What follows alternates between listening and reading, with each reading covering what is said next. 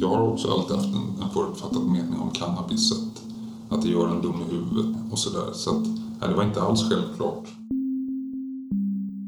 Så tyckte jag att nej, men jag, jag har inte att förlora på att prova i alla fall. Men då var nästa grej att, att försöka övertyga folk i sin omgivning och, och sin familj att, att man skulle i vuxen ålder börja med cannabis och att man då skulle göra det för att bli frisk från, från cancer. Att, att jag valde att, testa det här med cannabis medicinskt är i alla fall det bästa jag har gjort. Och eh, jag vet att hade jag inte tagit det beslutet så hade jag inte suttit här idag. För fem år sedan fick han en cancerdiagnos som enligt prognosen skulle ge honom ett, max två år till att leva. Hans berättelse tillsammans med många andra liknande är min huvudsakliga orsak att starta den här podden. Därför känns det fint att äntligen, trots en väldans massa ljudskavanker, kunna presentera avsnitt två och del två i serien Mot lagen för medicinen. Men innan vi börjar vill jag passa på att tacka er som på olika vis redan har börjat stötta podden. Oavsett om du har bidragit med ovärderlig feedback eller swish-support vill jag att du ska veta att jag verkligen uppskattar det. Så stort tack! Nu börjar vi. Vi kan eh, börja med att vi har lagt filter på din röst. Mm. För att du vill ha det så. Ja, precis. Hur kommer det sig? Ja, det är väl för att det är som det är med cannabis helt enkelt i Sverige. Att det är så stigmatiserat att, ja, att man inte vill kopplas till det helt enkelt. Och då blir det intressant också att du ändå väljer att berätta. Mm. Varför känns det viktigt? För att eh, den nyttan jag har haft utav cannabis medicinskt har varit så, så enorm att jag måste, ja, det blir som en skyldighet att andra får, får höra om det. Mm. Hur började din historia med cannabis? Det började för nästan fem år sedan när jag fick en cancerdiagnos med eh, en jättetaskig prognos. Eh, Ja, jag kan dra lite kort, men jag sökte ju flera gånger och har sökt under 10-12 års tid för jättesmärta bak i ryggen och ont. Och åkte in någon gång akut för att då hade jag haft så ont i flera dagar så att hela vänstersidan av benet liksom gjorde ont. Och så upp i höften så började jag kompensera så till slut satte det sig här. Så jag, fick, jag kunde knappt ta ett andetag för det låste sig. Så då åkte jag in akut. Eh, jag kommer ihåg att jag låg på golvet i bilen när jag fick skjuts in. För jag kunde inte sitta upp, jag var tvungen att ligga ner. Och så kommer det in och så säger jag att jag, jag kan inte ens ta ett andetag för det gör så jäkla ont här och det, det har med ryggen här att göra. Och, nej, det är ångest, säger jag. Du har ångest, det kan sätta sig här.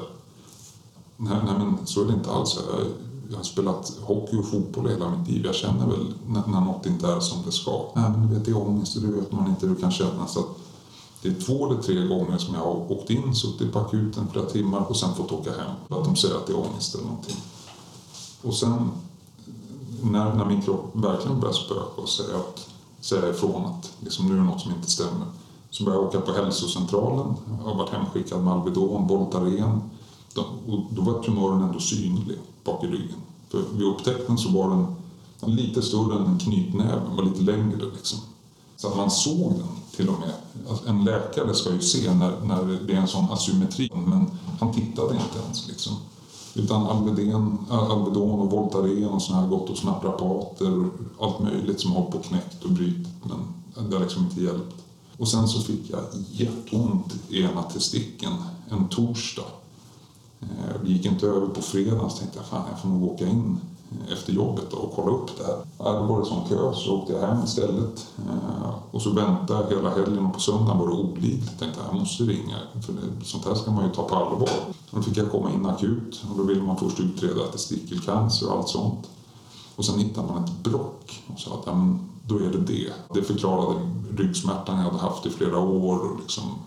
Eh, så då opererade man det här brocket eh, och två dagar senare så får jag en infektion jag får jätteont i operationssåret och blir helt lila. Så här. Åker in och hamnar på intensivvårdsavdelningen i ett par dagar och får, ja, då håller jag på att stryka med med den blodförgiftningen. Men, jag lyckas jag fixa den biten. Och så ska de röntga mig för att se så att bakterierna inte har spridit sig. Och då hittar man cancern då som bifynd. Och då var den så, så spridd att, att man redan då såg att, att det inte var något bra. Liksom. Eh, jag skulle aldrig någonsin kunna bli frisk utan i, i bästa fall med bromsmediciner kunna leva något år, två, tre år kanske. Och jag hittade då en, eh, en cannabisolja på internet som skulle kunna bota cancer sades det. På den vägen var det. När var det? Var det precis i direkt samband med att du fick diagnosen? Nej, det var kanske tre, fyra månader efter när jag hade provat bromsmedicinerna och eh, den medicin jag fick mot smärtan. Innan man hittade cancern så hade jag bara väldigt ont och, svårt att gå i med min primärtumörs läge. Men efter bara några veckor på de här bromsmedicinerna så var jag mycket sjukare och i långt sämre skick än tidigare. Innan visste jag inte ens att, att, att det var så illa att jag hade cancer men efter bara några veckor med bromsmedicinerna så önskade man nästan att varje dag var den sista. Jag, jag mådde hemskt, helt enkelt. Hur då? Jag rasade i vikt. Jag gick ner, ja, jag har gått ner nästan 30 kilo totalt på de här fem åren. Men eh, de, jag gick ner över 20 kilo på bara några veckor. Och, och man gick som en, en ständig dimma. Eh, man, man var aldrig riktigt vaken fast man var vaken. Illamående. Eh, det kändes som att det brann eh, i halsen varje gång jag åt och drack. Och, ja, magen pajade totalt. Och, för varje biverkning jag fick av bromsmedicinerna så fick jag en eller två nya mediciner. Så att, det var inte någonstans värdigt att trycka i sig de mängderna medicin varje dag och må som, som man mådde. Utan jag ville testa det här med den här oljan då. Framförallt om man kunde bli frisk som det sades. Vad var det för olja och vem sa att du kunde bli frisk? Jag hittade det på internet i olika grupper för, för folk med, med cancer så snackades det om att man utav en, en eh, cannabisolja med hög koncentration utav THC skulle kunna bli frisk och att det THC säger att döda cancerceller eller få dem att, att begå någon sorts självmord. Sen läste man en historia här och en där om folk som hade blivit hjälpta och liksom tyckte att ja, det räcker för att man ska våga prova i alla fall. Mm. Och var hittade du sen då den här oljan? Eh, första gången, det var ju fem år sedan, då, då fick jag vända mig utomlands och sökte och hittade en kille i södra Spanien som tillsammans med kompisar odlade Eh, cannabis och gjorde olja och, och gav och sålde till sjuka. Okej. Okay. Så du åkte du till Spanien och köpte den här oljan? Ja, ja, jag bilade ner med min pappa och jag bilade ner och köpte hem den för att prova. Och eh, jag använde väl den i cirka tre månader tror jag den räckte. Och jag, kunde, jag kunde under den här tiden helt sluta med morfin och, och andra smärtstillande och, och bara eh, använda utav oljan och tillgodogöra mig utav den. Mm. Och hur, om du ska beskriva läget innan och efter du började med just den här första oljan? Ja, eh, från att ha varit praktiskt taget helt sängliggandes på grund utav smärta och, och hade ingen rörlighet alls. Jag, jag kunde väl eh, på sin höjd kanske gå 25 meter på ren vilja innan jag var tvungen att sätta mig ner för att ja, få bort trycket från, från nerverna där, där primärtumören tryckte. Till att då efter att ha använt oljan i bara någon vecka var helt smärtfri och eh, faktiskt överväga om jag skulle vara ute och spela golf och sådär om dagarna. Så att, ja, det, det var verkligen ett, ett mirakel. Mm. Var det någonting som du pratade med din läkare om? Ja, eh, jag har inte alltid haft samma läkare. Det har funnits lika mycket åsikter bland läkare ungefär som jag har haft läkare, alltså om cannabis.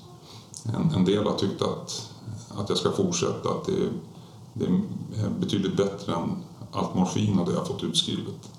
Eh, och en del tycker att jag ska sluta omedelbart, att det, det finns sådana faror som man ännu inte är säkra på med, med det här och så. så den läkaren jag har nu och som jag har haft under nästan hela den här tiden, i alla fall fyra år. Hon, hon eh, har en, en, positiv inställning till cannabis och har väl eh, sagt att hon, hon, tycker att jag ska fortsätta. Och eh, hon har varit med och forskat just på cannabis och dess effekter på, på smärta hos cancerpatienter på 70-talet. Så hon eh, har väl ett eget litet intresse i, i det också. Mm. Så då testade du den oljan räckte alltså tre månader? Ungefär. Det, det sades att man till och med skulle...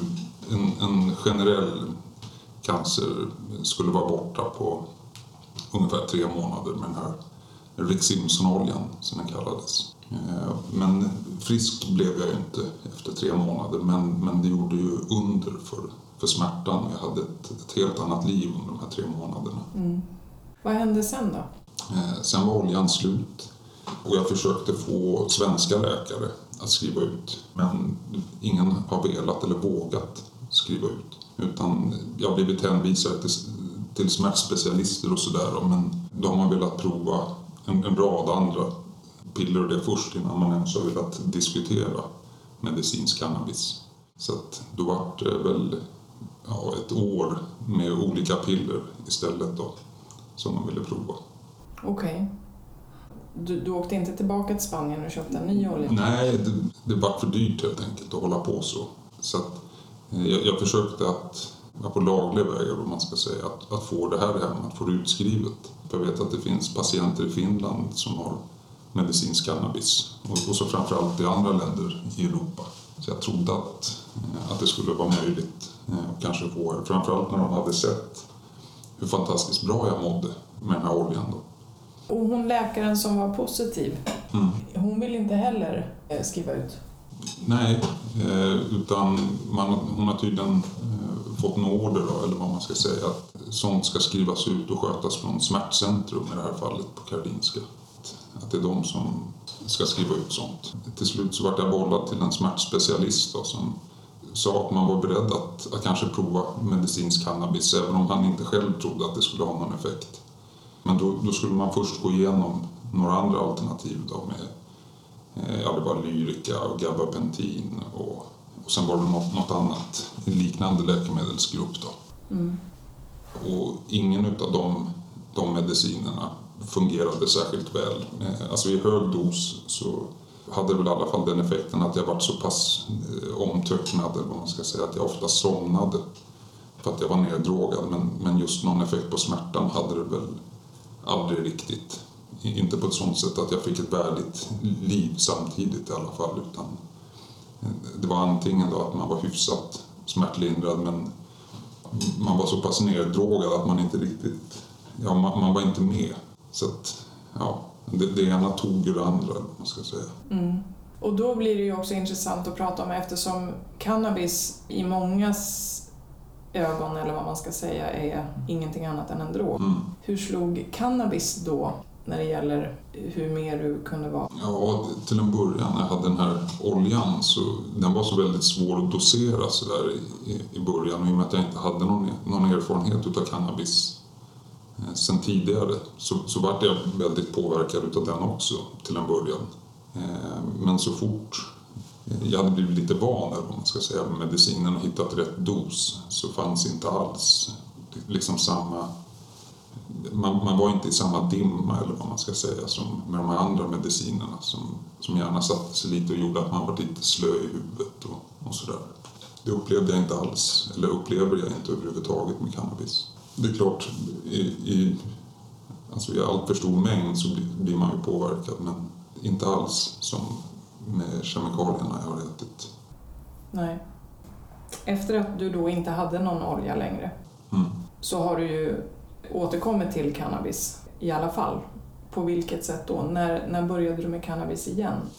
Ja, sen nästa tur för att få medicinsk cannabis, det var i Tyskland. Jag sökte expertvård för min cancer där och där var man mycket mer öppna till medicinsk cannabis och där fick jag det utskrivet. Men då var det en syntetisk variant på en olja. Och den, den hade väl hyfsad effekt på smärtan och sådär men det gick inte alls att jämföra med, med den oljan jag hade varit och köpt nere i Spanien som eh, ja, var gjord av hela växten. Då. Och den oljan, ja, som jag åkte ner och hämtade i Tyskland, den räckte väl i, i, fem veckor tror jag. Sen var det dags att försöka Eh, få svenska läkare att, att återigen vilja ta i det här. Eh, då hade jag även provat en rad mediciner eh, innan då för att, för att få chansen att, att kanske få prova medicinsk cannabis här. Men då hade man tydligen fått nya rön som sa att det här med cannabis var långt mer skadligt än vad man hade trott. Så att då sa man nej här i Sverige till att hjälpa mig med medicinsk cannabis. Och så har det väl sett ut sedan dess. Skadligt på vilket sätt? Då menade man att man, man visste inte om hur, hur, min, hur jag skulle må efter ett par års användande utav det här, eller längre tids användande.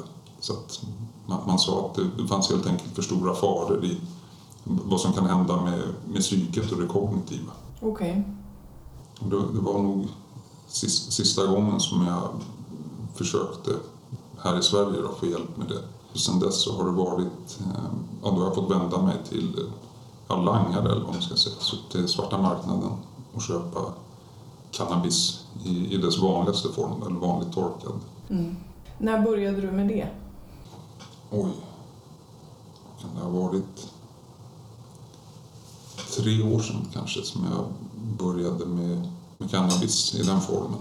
Och så skaffade jag en, en vaporizer, som det heter, så att jag ska kunna få i mig den här cannabisen utan att behöva röka den då, eh, på ett, så, ett sätt som inte ska skada kroppen. Eh, och det ska då vara genom att ånga upp växtdelarna då, istället för att förbränna dem. Då. Mm. Jag minns att du berättade när vi pratade för två år sedan att den här cancern, att du fick spridning på den. Ja, eh, redan vid- upptäckten av cancern så var den eh, spriden på ett sådant sätt så att man sa att det inte skulle gå att bota eller, eller ens få det att krympa. Mm. Att det inte skulle gå att göra någonting. Och sen eh, så spred den sig ytterligare en period till levern bland annat. Och, och sen tidigare så fanns det i, i lungorna och så i skelettet. Men den här spridningen till levern försvann. Eh, Och det, det tror jag har att göra mycket med cannabis och sen eh, ja, min, min livsstil i övrigt. Då. Mm. Varför tror du det?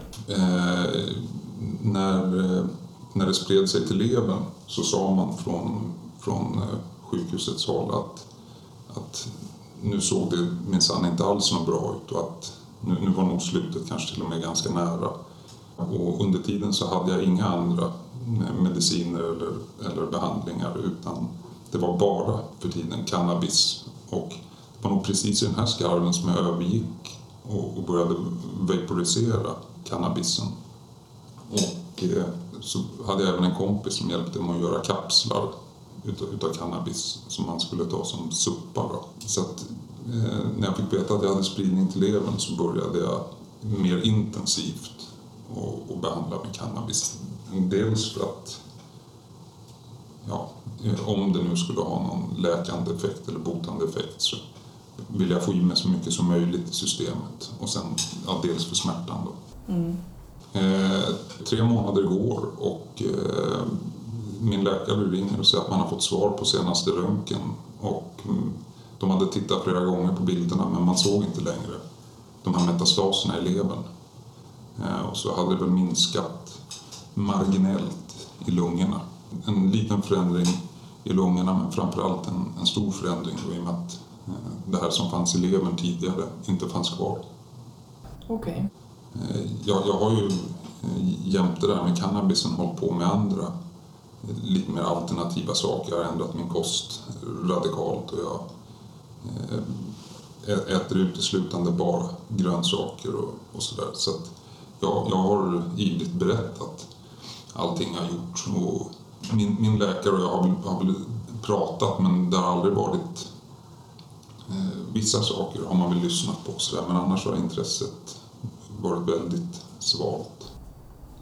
Men är det någon läkare som har givit någon typ av hint ifrån det hållet om att ja, det stämmer nog, det här är nog cannabisen? Nej, inte här i Sverige.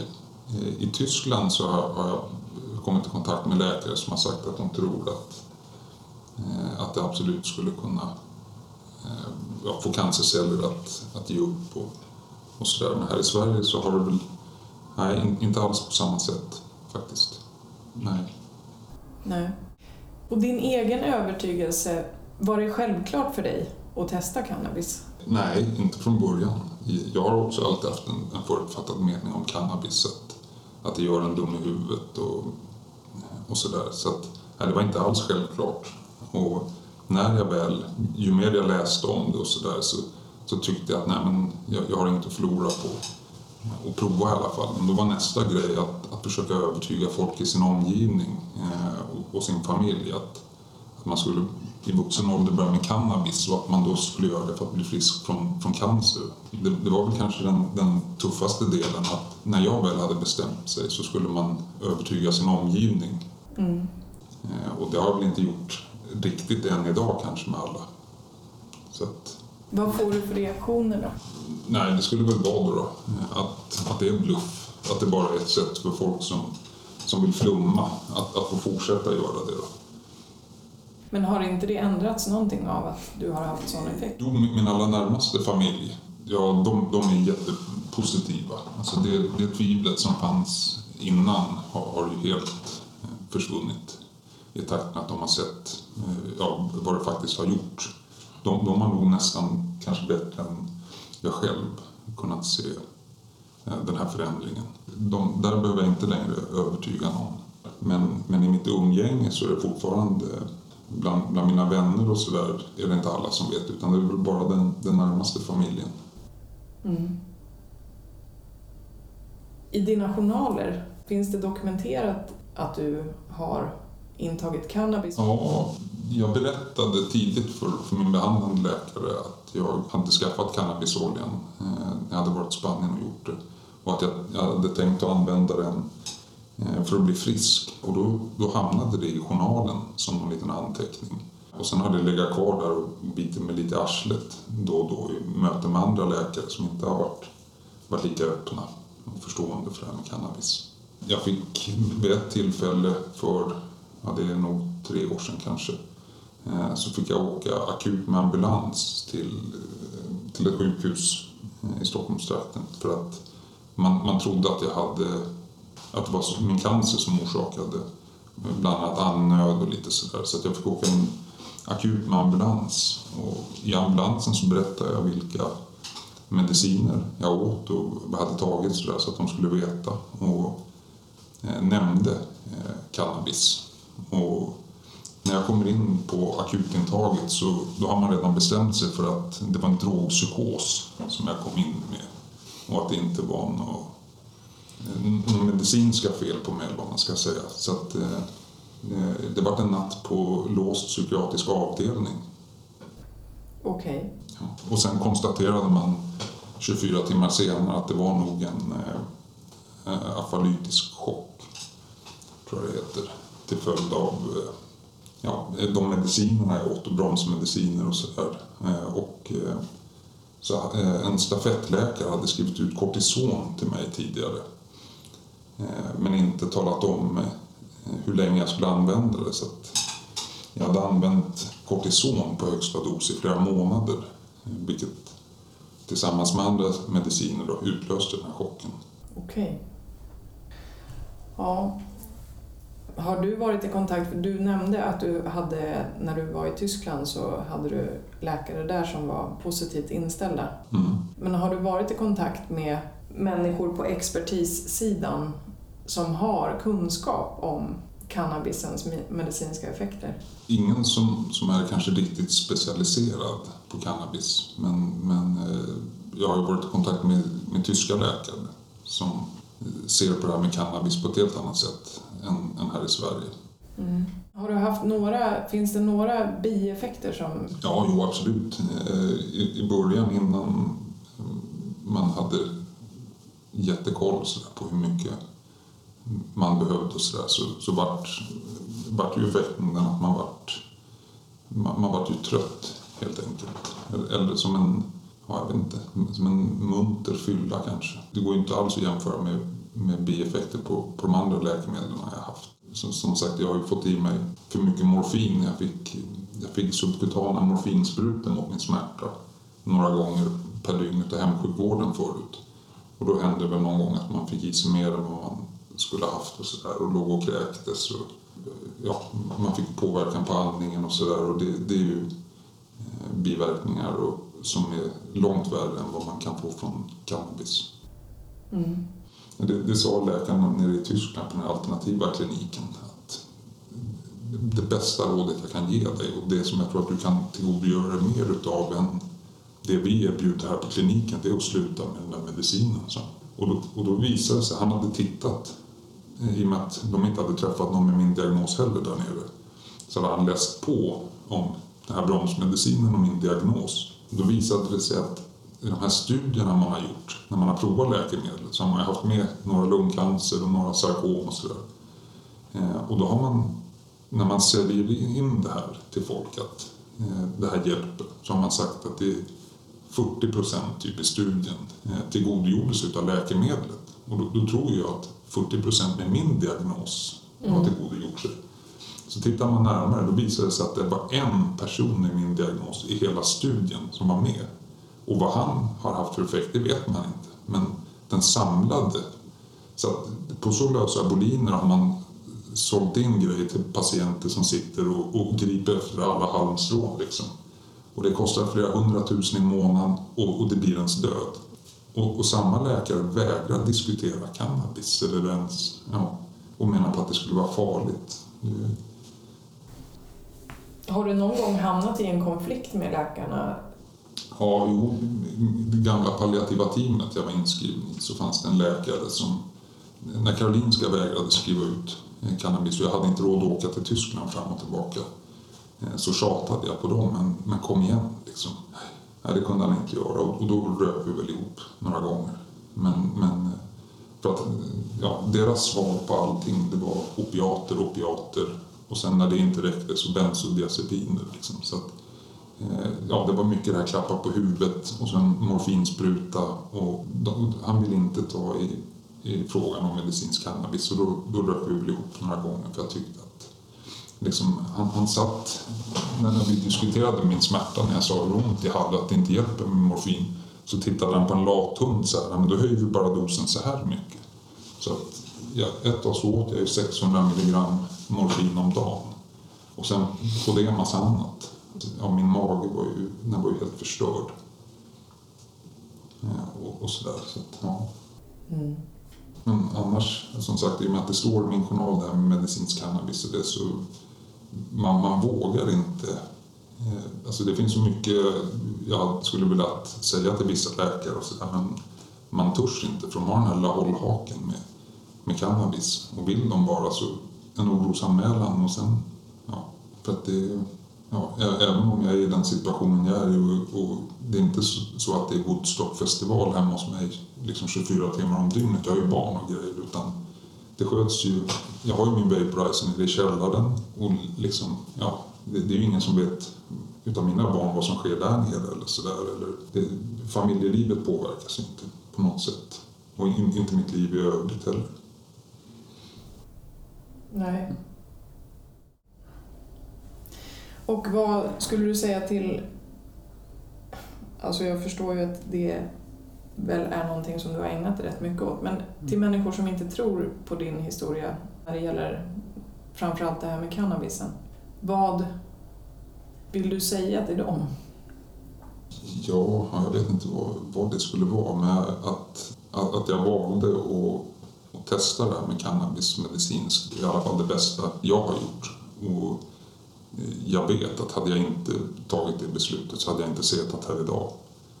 Då hade jag, hade jag följt den statistiken som, som kommer med min prognos. Så att, eh, ja, det, det har räddat livet eh, på mig. Att, att helt kunna sluta med höga doser opiater och, och bensodiazepiner och, och annat sånt där mot någonting då som, som inte alls ska ha någon eh, toxisk effekt på kroppen. Alltså det, den livskvaliteten jag har fått jämfört med vad jag hade innan, det, ja, det är obeskrivligt. Mm. Tror du att det kommer att legaliseras för medicinskt i, i Sverige inom en snar framtid, eller hur? Ja, på, på ett eller annat. Eh, inte helt. Jag tror inte att det kommer att bli helt legalt medicinskt. Jag, jag vet folk som jag har lärt känna som som eh, är på väg nu att, att få igenom en licensansökan för medicinsk cannabis här i Sverige. Men ingen cancerpatient som jag känner till än. Eh, och det är lite så jag har känt när man har pratat med läkare också. Att just om man har cancer så verkar det vara extra känsligt med, med cannabis. Eh, ja, det har varit, argumenten har varit att man vet inte efter längre tids användning och, och sådär. Och då har jag ändå varit i, i palliativ vård de senaste fem åren. Alltså, man har inte trott att, att jag någonsin kommer att bli frisk utan att ja, det, det skulle vara i livets slutskede på något sätt. Det här. Men man har ändå tyckt att, att de eventuella riskerna med cannabis har varit så, så stora att man inte ens har velat prova dem på, på en cancerpatient i palliativ vård. Därför känns det väl sådär. Jag, jag tror att man kanske kommer se, för andra patientgrupper så tror jag att man kommer se en, att, att man gör det lättare. Men just med cancer så känns det, det känns mer kontroversiellt på något sätt. Har du någon egen teori om vad det kan bero på? Då? Det är lätt att bli konspirationslagd åt det konspirationsteoretiska så här, men det är väl kanske det, det, är lätt att tro att det skulle kanske kunna vara så att, att det någonstans faktiskt kan bota cancer. Då blir ju nästa fråga varför vill man inte göra det då? Ja, det, de här bromsmedicinerna som jag har ätit i, jag åt dem tack och lov inte längre än ett och ett halvt år, drygt kanske två. De kostade ungefär 130 000 i månaden.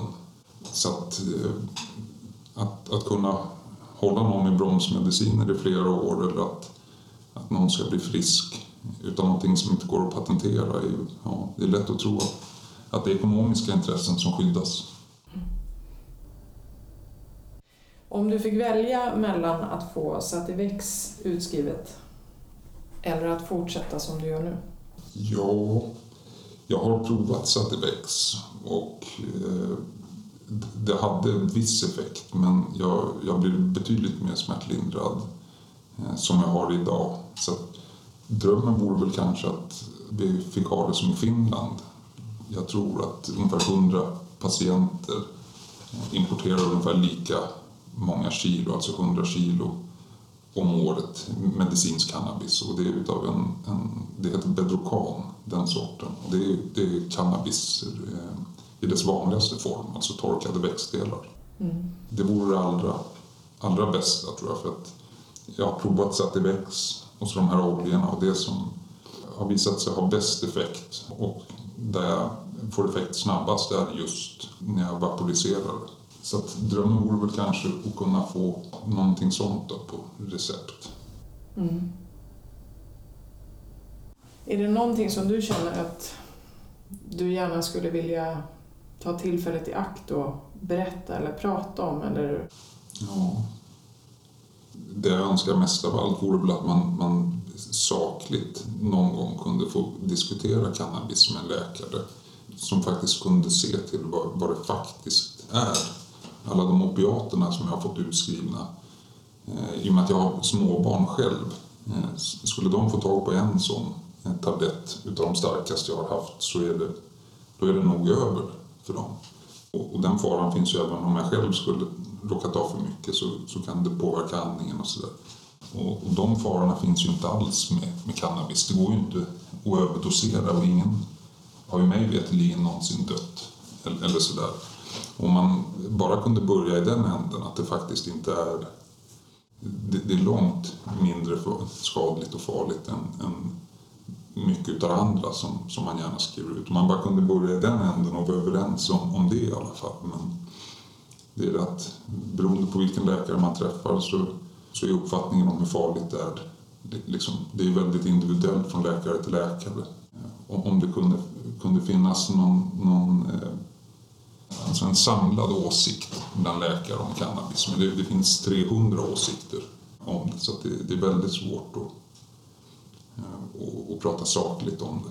Det kanske ska mycket till för att alla läkare i Sverige ska, ska ha samma liksom, uppfattning eller, eller så om cannabis. Men om, om, om man i alla fall kunde eh, ja, eh, prata med... Alltså jag, jag har svårt att tro att att någon som har tagit sig igenom hela läkarprogrammet och hela utbildningen eh, kan på allvar tro att, att cannabis skulle vara mer skadligt eh, än till exempel opiater eller bensodiazepiner. Det är ju, ja, Det, det är fantastiskt om, om, om man kan gå och läsa till läkare flera år och som fortfarande behålla den uppfattningen att cannabis skulle vara skadligare än det här. Bara det faktum att, att ingen någonsin har dött utav det gör väl att man, där man kan och där patienten kan tillgodogöras utav det bättre än till exempel opiater mot smärtan så är det väl en enorm vinst att kunna behandla med, med någonting där det inte finns en risk att överdosera med dödlig utgång.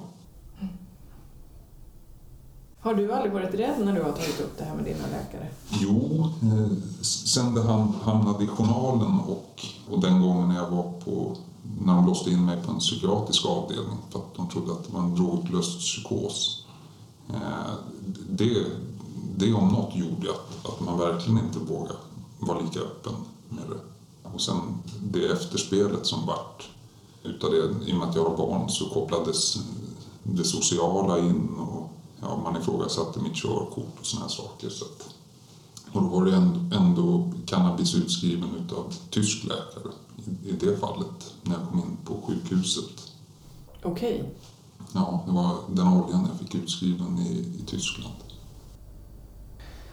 Ja. Tänker du att du kommer fortsätta hålla på med cannabis?